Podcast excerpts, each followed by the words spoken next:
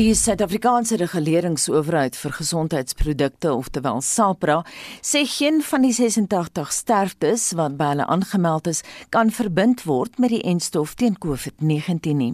Die nuus is bekend gemaak tydens 'n webinar oor mense se aanmelding van neeweffekte wat hulle na inentings ondervind het.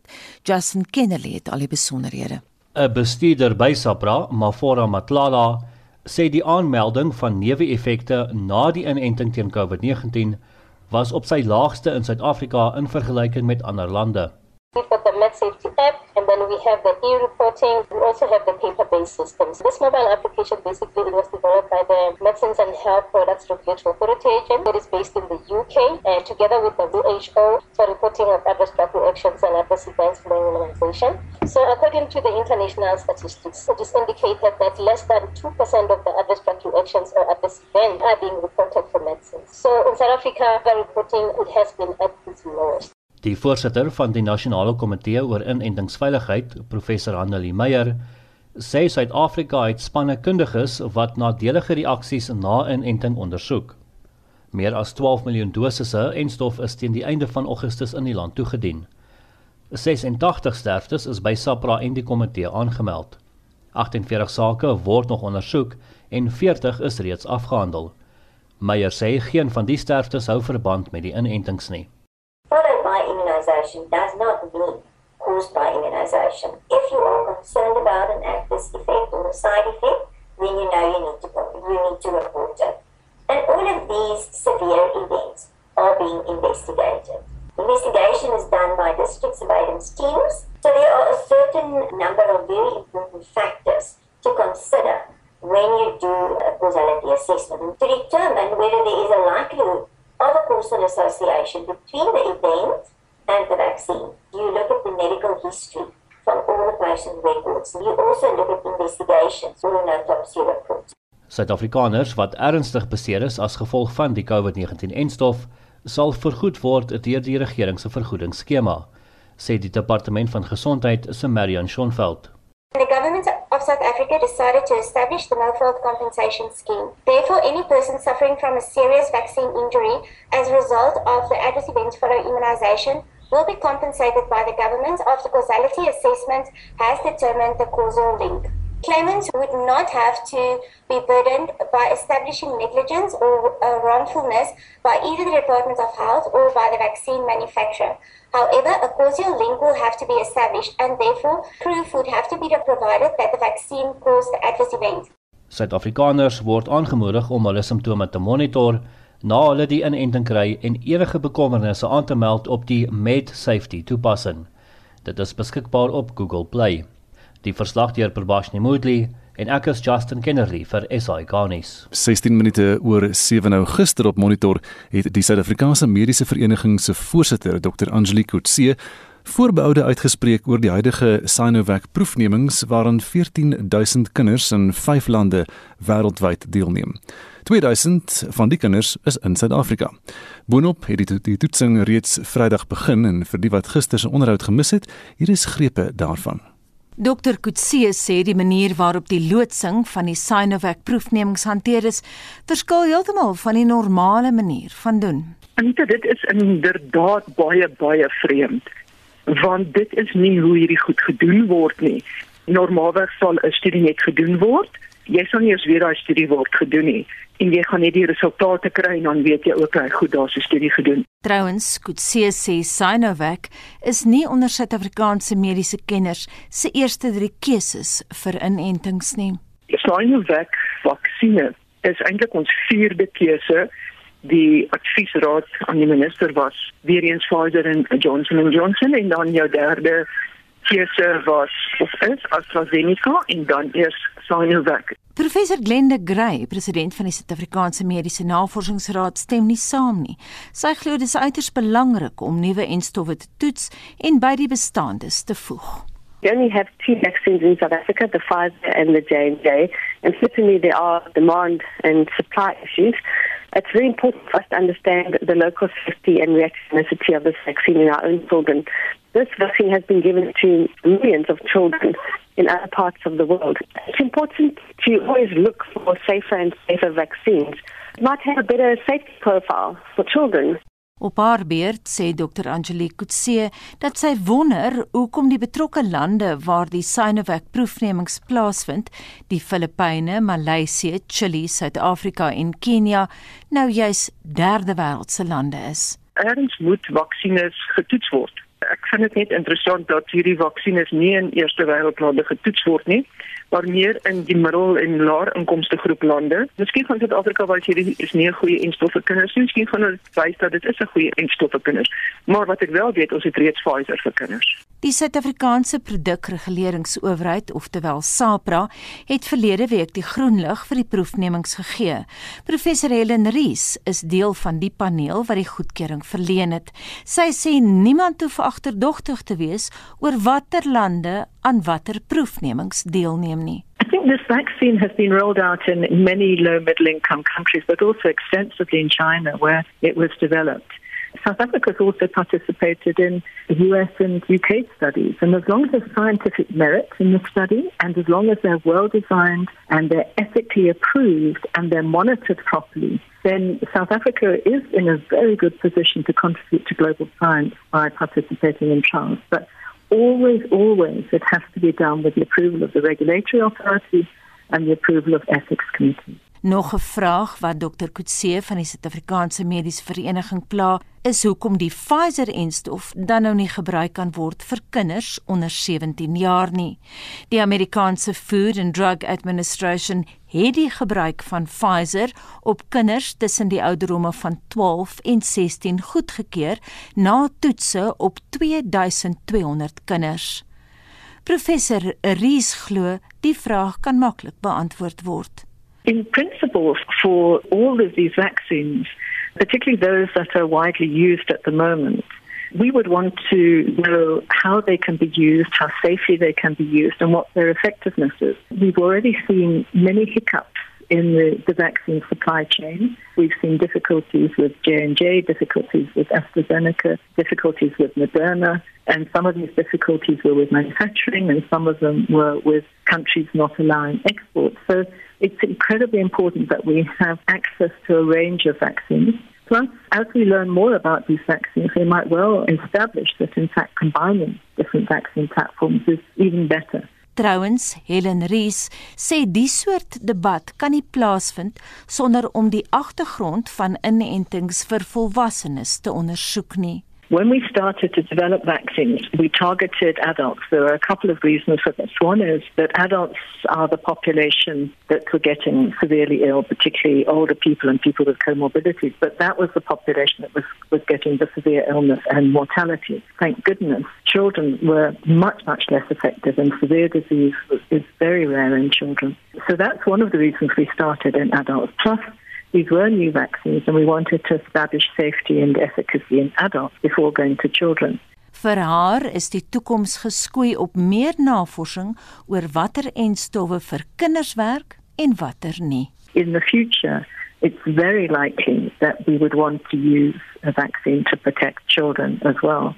Because in so doing, we would hope that the, you know, the higher coverage we can get, the more we will be able to reduce transmission of the virus. In principle, it's very important that we do move towards vaccination of children, and well-designed ethical studies should be encouraged. En dit dan die mening van professor Helen Rees, voorsitter van die Suid-Afrikaanse Reguleringsowerheid vir Gesondheidsprodukte en Anita het hier insetsel saamgestel. Nou ons bly by die storie. Anita het ook gister gaan kers opsteek oor die protokol vir die toetsing van mediese produkte by Johan Kreer. Hy is die voormalige president van die Suid-Afrikaanse Aptekersvereniging en hy is tans 'n deeltydse dosent aan die Universiteit van Pretoria se departement van farmakologie.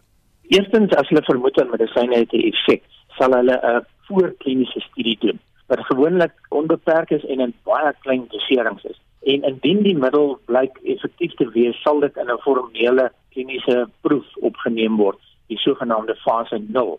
Nou dit is gewoonlik beperk tot so 10 mense en weer eens die dosering is gewoonlik subterapeuties of baie laag sou die effektiwiteit bewys dat die middel wel 'n uh, moontlikheid het om 'n siekte te beveg of 'n vaksinne moontlik te kan wees, gaan dit in die sogenaamde fase 1 kliniese studie in. waar dit normaalweg so tussen 20 tot 100 persone opgetoets word. En dan gaan hy in die fase 3 kliniese proef in en dit is wat nou hier gebeur met hierdie spesifieke vaksinne waar hy dan wêreldwyd uitgerol word en waar hy ook op ander pasiënte wat normaalweg nie in die eerste fase ingesluit is nie. Dit sal insluit kinders, pediatriese doserings, geriatriese doserings en dan ook by swanger vroue. So dis die normale verloop van 'n studie.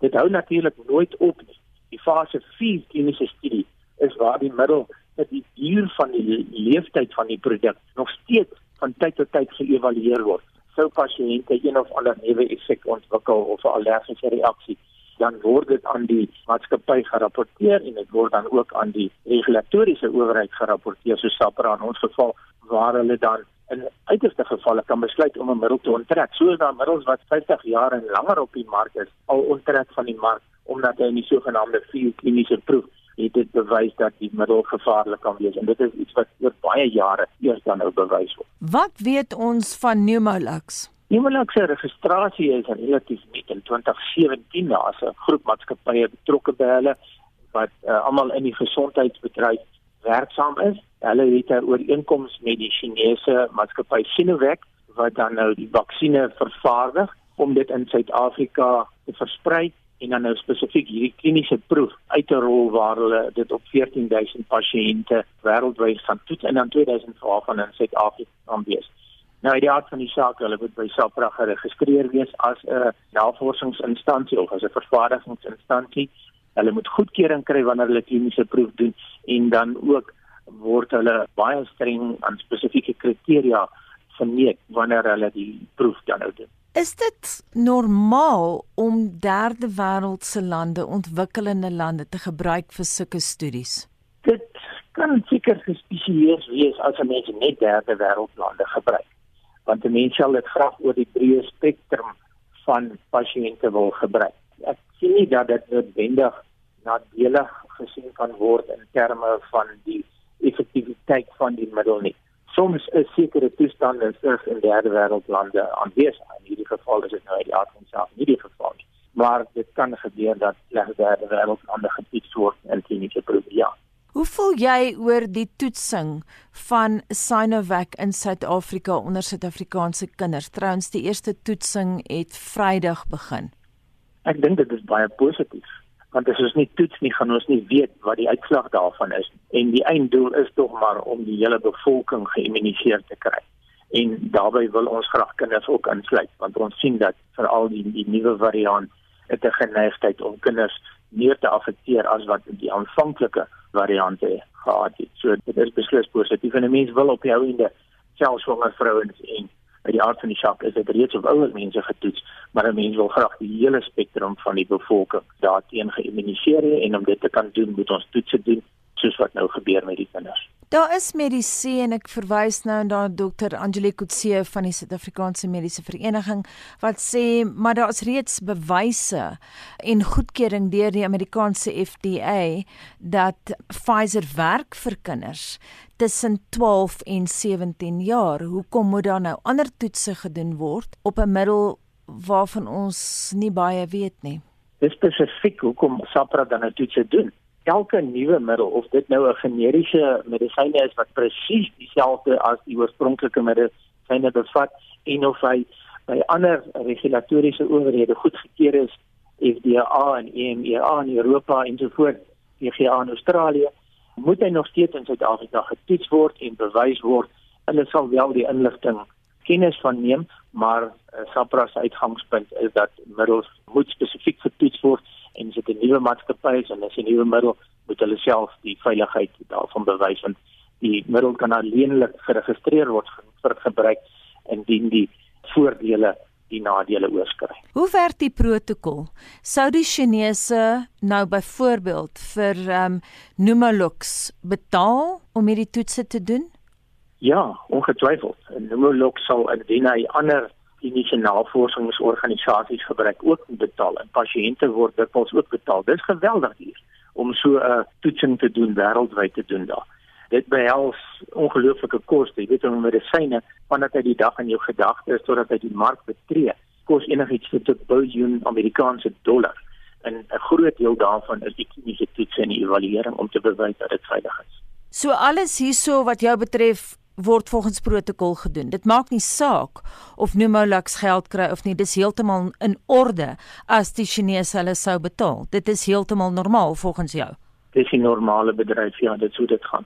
Wat die pasiënte se betaling betref, ons het terugvoer gekry by onderhoud van Monitor, uh, juist die onderhoud wat ons met Angelique Kutse gevoer het, waarin professor Maritjie Venter gesê die etiese reëls bly dieselfde, etiese regulasies verhoed dat mense in Suid-Afrika betaal word vir kliniese proefnemings. Hulle mag net vergoed word vir reiskoste. Jy het net nou gesê jy kan betaal word net as 'n proefkonyn. Wat is die reël? Ja, nee nee, inderdaad. Ek het nie bedoel dat jy gaan geld maak daai nie, maar dat jy vir jou onkoste so in jou moeite betaal word. Dis maar die uitgangspunt wêreldwyd. Wat moet die publiek weet in terme van hierdie kliniese proefnemings? Wat is belangrik vir ons om te weet?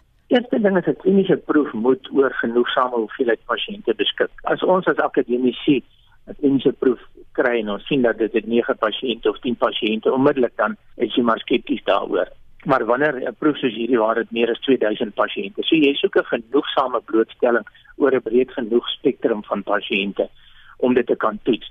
En dan uit die hart van die saak moet jy ook 'n negatiewe toets insluit sodat jy dit kan meet teenoor mense wat dit uh, nie die medikasie gehad het nie. Wat was hulle reaksie? Hoe sogenaamde placebo-middel om te kan kyk, jy weet, wat het die middel self hierdie liggaam eintlik maar self die immuniteit opgebou en dan moet daar genoegsame periode geskied waar volgens die middel geëvalueer kan word. Soms ontwikkel neeweffekte eers na 'n redelike periode.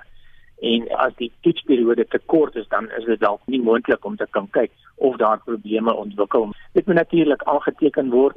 Dit word geëvalueer deur SAPRA, dit word deur ander kundiges geëvalueer sodat 'n mens kan weet dat daar genoegsame insette was om te kan kyk of die middel effektief was of nie. Johan Creer, die voormalige president van die Suid-Afrikaanse Aptekersvereniging en tans deeltydse dosent aan die Universiteit van Pretoria se departement van farmakologie en Anita het daardie onderhoud met hom gevoer. Intussen gaan ons na ST vir nog SMS terugvoering. ST jy die vloer. Anita Marie van Vryheid laat weet Pfizer vir kinders ja sinnewekproewe nee. Hoekom dit toets as Pfizer klaar goedgekeur is deur die Wêreldgesondheidsorganisasie.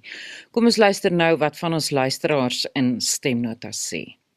Ek is al 'n bejaarde mens. Ek is ingeënt teen enige denkbare virusse wat jy aan kan dink en my kinders ook. Ons het nooit siek geword daarvan nie en ons het nooit siek geword nie. Nou vra ek maar die vraag nou, al word jy net 'n klein bietjie siek van hierdie inenting. Wat is aan die gang presies? Die dodelikste virus wat ek ken is hondsdolheid. As die ding jou gebyt het en jy's nie ingeënt nie, dan gaan jy dood. Dis 100% gewaarborg. Nou, maar as jy ingeënt is, gaan jy dood nie. Dit is verseker so. Nou hier kan jy nog steeds doodgaan en siek word na jy ingeënt is. Nou is die wetenskap as die ou wetenskap van 50 en 60 jaar gelede nie. Ek vra maar net die vraag. Vertrou niks wat van die Chinese kan afkomstig is nie. So as dit my kinders was um, om proefkonyn te speel vir die Chinese regering, daar is nie 'n manier nie. Ek het nou met my dogter van 12 jarige ouderdom gepraat oor die vaksines vir 12 tot 15. My dogter gaan vir haar geensins laat vaksin nie. Nou sien ek mense word op die plase gedreig as jy nie vir jou laat inent nie dat jy nie meer werk aan jy toe nie meer blyplek nie. So ver het die boere nou al gegaan. Maar die president het vir ons in die begin gesê niemand word gedwing om ingeënt te word nie. Ek is wel in, ingeënt. Ah, hoe sleep jy jou kind tot by 'n kliniek of by 'n gesondheidsfasiliteit en jy in? Nee nee nee nee, ek stem nie saam. Jonathan April op Gouda. Marius Harding van Swartregens. Die Ente is almal nog eksperimenteel. So as iemand dink dit is goed om met sy kind te eksperimenteer op daardie vlak, dan uh, is dit seker maar 'n refleksie van uh, ouerskap. Groter probleem is daar is bykans geen kinders dood aan COVID-19. Daarom sien ek ook nie 'n rede hoekom kinders geënt moet word want hulle eie immuniteitstelsel sal daardie COVID-19 'n weerstand voor opbou. Ons wil vanoggend by jou weet wat is jou mening oor die inenting van kinders teen COVID-19? Stuur vir ons vir oulaas 'n SMS na 45889 onthou dit kos R1.50 per SMS. Gaan dan ons Monitor en Spectrum Facebook bladsy en gaan deel jou mening daar of WhatsApp vir ons stemnota na 076 536 6961.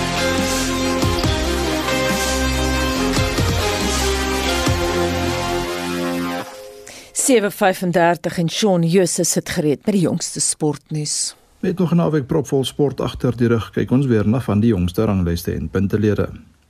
Nieu-Seeland het nou 15 punte in die rugby kampioenskapsreeks na 3 rondes.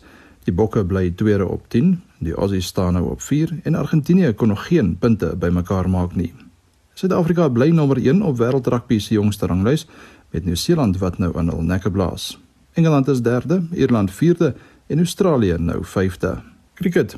India is die voorlopers op die ICC se toetskampioenskappe punteleer op 26 punte. Pakistan en die Windies is tweede en derde op 12 met Engeland vierde op 14 punte. Die persentasiepunte maak egter die groot verskil. Nieu-Seeland is die wêreld se voorste toetsspelende land met India tweede en die Aussies derde. Suid-Afrika is sesde. Op die eendag ranglys bekleë Nieu-Seeland ook die nommer 1 posisie met Engeland tweede en die Aussies weer derde. Die Proteas is vyfde. Engeland is die voorlopers op die ICC se Superliga punteleer en staan op 95 punte. Bangladesh is tweede op 80, Australië derde op 60 en Indië vierde op 49 punte. Suid-Afrika is negende op 34 punte. Die Proteas beoog om skoonskip in hulle T20 reeks in en teen Sri Lanka te maak wanneer die derde en laaste wedstryd vanmiddag gespeel word. Suid-Afrika is 2-0 voor. In vroue kriket is Australië nommer 1 op die eendagrangslys met Suid-Afrika tweede en Engeland derde. In die tenniswêreld bou Novak Djokovic van Servië sy eerste plek op die jongste mansranglys. Die Rus Daniel Medvedev, ook die nuwe Amerikaanse ope kampioen, is tweede met die Griek Stefanos Tsitsipas derde. Suid-Afrika se Lloyd Harris spring met 15 plekke na 31ste, sy beste posisie ooit en Kevin Anderson klim met 9 plekke na 68ste. Die top 3 vroue spelers is Ashley Barty van Australië, Aryna Sabalenka van Belarus en die Tsjeeg Karolina Pliskova. Suid-Afrika se Ryan Klassen is nou 24ste op die mans dubbelspel ranglys. Sokker. Die top 4 in die DStv Premier Liga is Mamelodi Sundowns op 7, Stellenbosch FC en Orlando Pirates op 5 en SuperSport United op 4 punte na 3 wedstryde. Manchester United, Chelsea, Liverpool en Everton is die top 4 in Engeland op 10 punte elk na 4 rondes. Motorsport. Die Red Bull renjaer Max Verstappen van Nederland bou sy voorsprong op die Formule 1 punteleer, alhoewel hy en die Brit Lewis Hamilton ook steeds in die tweede plek gebots het en nie die naweek se Italiaanse Grand Prix kon voltooi nie. Verstappen staan op 226,5 punte met Hamilton 5 punte agter hom. Die Fin Valtteri Bottas is derde op 141 punte.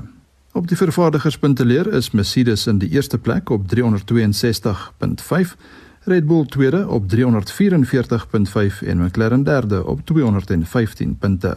Die top 3 op die MotoGP punteleer is die Fransman Fabio Quartararo op 214, die Italiaaner Francesco Bagnaia op 161 en die Spanjaard Juan Mir op 157 punte.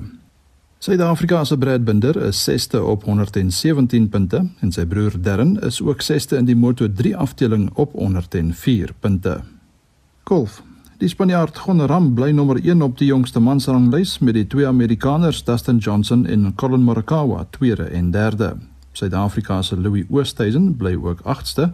Christian Besaidnout klim met 5 plekke na 39ste en Garrick Higo val met 1 plek na 48ste. Die top 3 vroue spelers is Nelly Korda van die FSA en Jinyanko en Inbi Park van Suid-Korea. Suid-Afrika se Ashley Buy is 80ste. En laastens 'n netbalnuus. Die Gauteng Jaguars en Wes-Kaapse Tornadoes het die eerste been van die 2021 plaaslike netballiga as die voorlopers in hul groepe op 12 punte geëindig. Die tweede been word in Oktober gespeel. Shaun Schuster, RSG Sport. Dis 20 minute voor 8 by Monitor op RSG nou wêreldnuus nou en volgens 'n ondersoek deur die BBC in Afghanistan is minstens 20 mense deur die Taliban vermoor in die Panjshir-vallei. En dit ten spyte van beloftes dat lede van die oppositie nie geteken sal word nie. Marlenae Forsie, die internasionale nuusfront vir ons dop vanoggend. Marlenae, goeiemôre. Wat weet ons sover? Môre Gustaf, kommunikasie in die gebied is afgesny, so is moeilik om presies te bepaal wat in die streek gebeur. Maar inligting het deurgesyfer na die BBC en dit sluit 'n video in van 'n man in 'n militêre drag wat omring is deur die Taliban, waarna die gedreun van verskeie vuurwapens gehoor word en die man dood neerslaan. Dis onduidelik wie hy is, maar verskeie soortgelyke voorvalle in die streek is aangemeld, onder meer die van 'n winkeleienaar wat daarvan beskuldig is dat hy SIM-kaarte aan weerstandsmagte verkoop het. Die VN-se sekretaris-generaal Antonio Guterres sê intussen 1 uit 3 Afghane weet nie waar hulle volgende maaltyd vandaan kom nie. The people of Afghanistan need a lifeline. After decades of war, suffering and insecurity, they face perhaps their most perilous hour. Now is the time for the international community to stand with them And let us be clear this conference is not simply about what we will give to the people of Afghanistan, it is about what we owe. Dit was die VN se sekretaris-generaal Antonio Guterres. Volgens navorsing van die Instituut vir Omgewingsverandering aan die Universiteit van Oxford, het die aantal dae per jaar waar temperature bo 50 grade Celsius aangeteken is, verdriedubbel sedert 1980. Ja, toe was daar 'n gemiddeld van 8 dae bo die gemiddelde temperatuur, maar dit staan nou op 26. Die temperature is boonop in meer lande aangeteken as toe. Nou een van die instituut se direkteurs, Frederike Otto, sê dit word direk aan die brand van fossiel brandstof gekoppel. Satellietbeeldmateriaal toon dat veral Noord-Afrika hiertoe bydra. En een van die groot probleme is die verskynsel van gasvlamme in Nigerië. Nou die praktyk waar reuse vlamme vry vrygestel word uit ondergrondse aanlegte is onwettig en uiters gevaarlik. Die temperature naby hierdie vlamme is sowat 150 grade Celsius en mense soos Joy gebruik dit om kos gaar te maak wat sy dan op markte verkoop. The reason I have short hair is because if I grow my hair long, it could burn my head if the flare shifts direction and explodes. It's bad for our health. But we say to hell with the consequences. We need to support our families. In my view, the government should lead efforts to end gas flaring in the oil industry. And hopefully, that will significantly reduce the heat wave and associated health hazards. Nou die vlamme verskyn wanneer natuurlike gasse in die vervaardiging van olie vrygestel word. Minstens 2 miljoen Nigeriërs woon binne 4 km van hierdie aanlegte en Nigerië is Afrika se grootste vervaardiger van kweekhuisgasse. Ons verskuif dan die aandag na Amerika waar die tropiese storm Nicholas nou opgegradeer is na orkaan. En die orkaan is op pad na Louisiana en Texas en dit kort nadat orkaan Ida verwoesting gesaai het. Weerkundige Tim Panagis. We flood quite easily here in the Houston metro area. But preceding the arrival of Nicholas, our situation was pretty good because we've been dry for a while. So our ground was dry, our rivers and bayous were running quite low. So we're able to absorb a lot more of that rainfall. Thankfully, the forecast has evolved a little bit, and the heaviest rain looks to stay right along the immediate coastline, but still. Nonetheless, even if you're dry for weeks on end, getting a foot of rainfall will cause flooding in a lot of these low lying areas. En dit dan 'n weerkundige in Texas Tim Panagis. En 'n ander storie wat ons dop in Brittanje waar al later vandag meer inligting verskaf oor die land se COVID-19 plan in die aanloop tot winter. Bykomende enstof dosisse gaan na verwagting aan mense bo 50 verskaf word. Dis dan nou 'n derde Pfizer inspuiting en die inentingsveld in die land gaan moontlik uitgebrei word na kinders bo die ouderdom van 12. Marlene Forsie met 'n oorsig oor vanoggend se internasionale nuusgebeure. Terug tuis 'n uh, heel ander nuus die 'n losprys virusaanval op die rekenaarstelsel van die kantoor van die meester van die Hooggeregshof het volgens berigte mense se persoonlike data geteiken. Die inligting behels bankbesonderhede en ander sensitiewe data. Die departement van justisie se woordvoerder, Steve Mashlangu, het die aanval bevestig. The Department of Justice and Constitutional Development has established that its information technology system has been interrupted due to a security breach. The breach was effected through ransomware on evening of 6 September 2021. This has led to all information system being encrypted and unavailable to both internal employees as well as members of the public. All electronic services provided by the department are affected, including issuing of letter of authority, bail services, email, and departmental's website. The department would want to assure all affected parties that our IT teams are working tirelessly to restore services as soon as is practically possible. Child maintenance payments for month end has already been processed and will therefore not be impacted by the current system outages.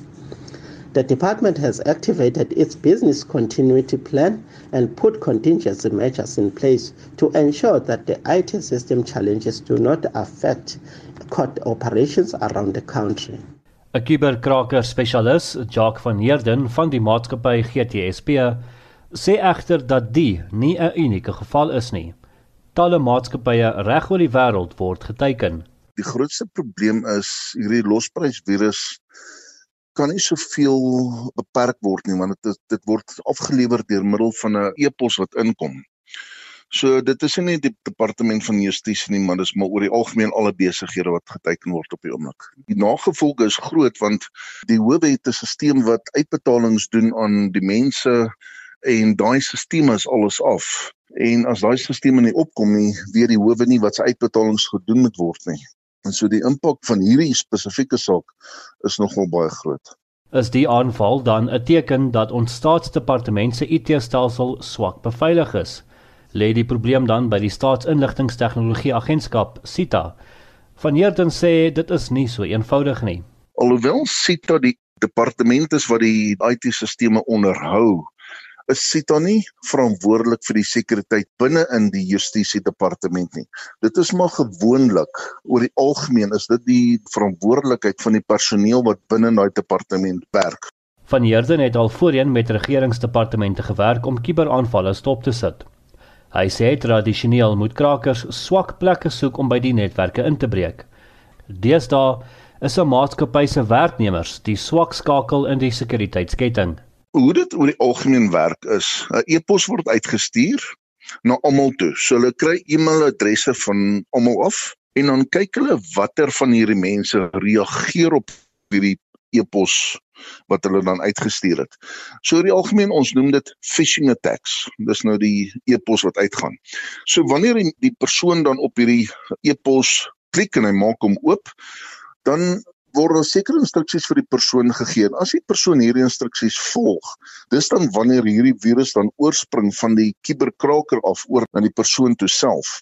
Wanneer hy dan oorgespring het, dan kontak hierdie virus die kuberkraker dan hy sê van goed ek het geïnstalleer op hierdie masjien en fase 2 kan dan nou begin.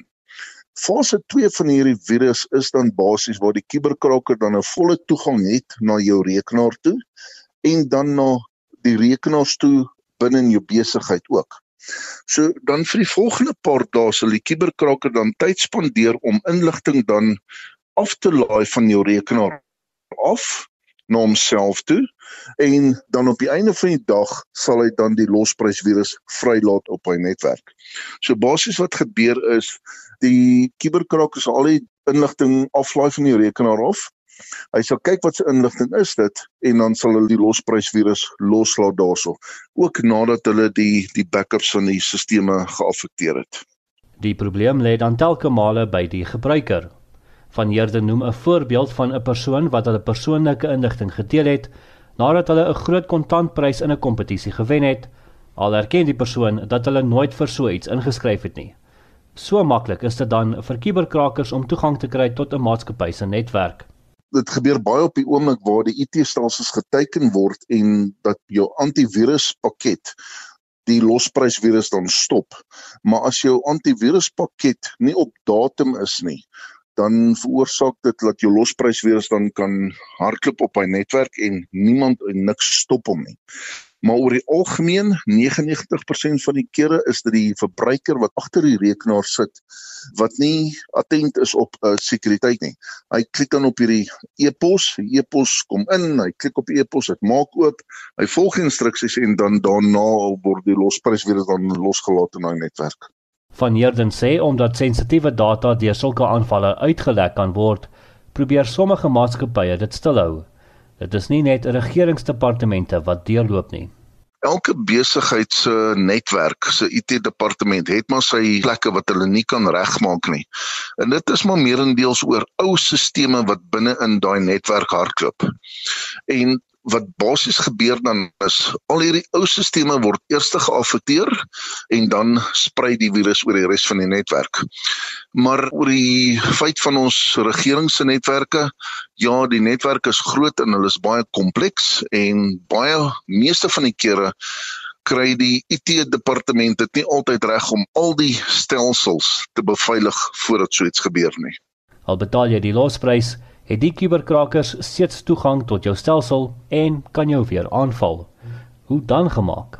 Dis nie 100% effektief nie, maar daar is 'n uh, mate van effektiwiteit op dit is wanneer jou antivirusmaatskappy soos Kaspersky byvoorbeeld die losprysvirus kry en hulle kyk of hulle dit vir jou kan oopmaak.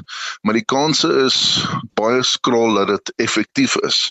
Dis basies net as hulle reeds die sleutel het, kan hulle daai um, data dan vir jou oopmaak en dan beskikbaar maak vir jou. Die vraag is dan betaal maatskappye die losprys om hulle data terug te kry? Niemand sal vir jou sê of hulle regtig betaal nie, want as hulle betaal, gaan hy mense terugkom. Ek het al met instansies gewerk waar hulle betaal het.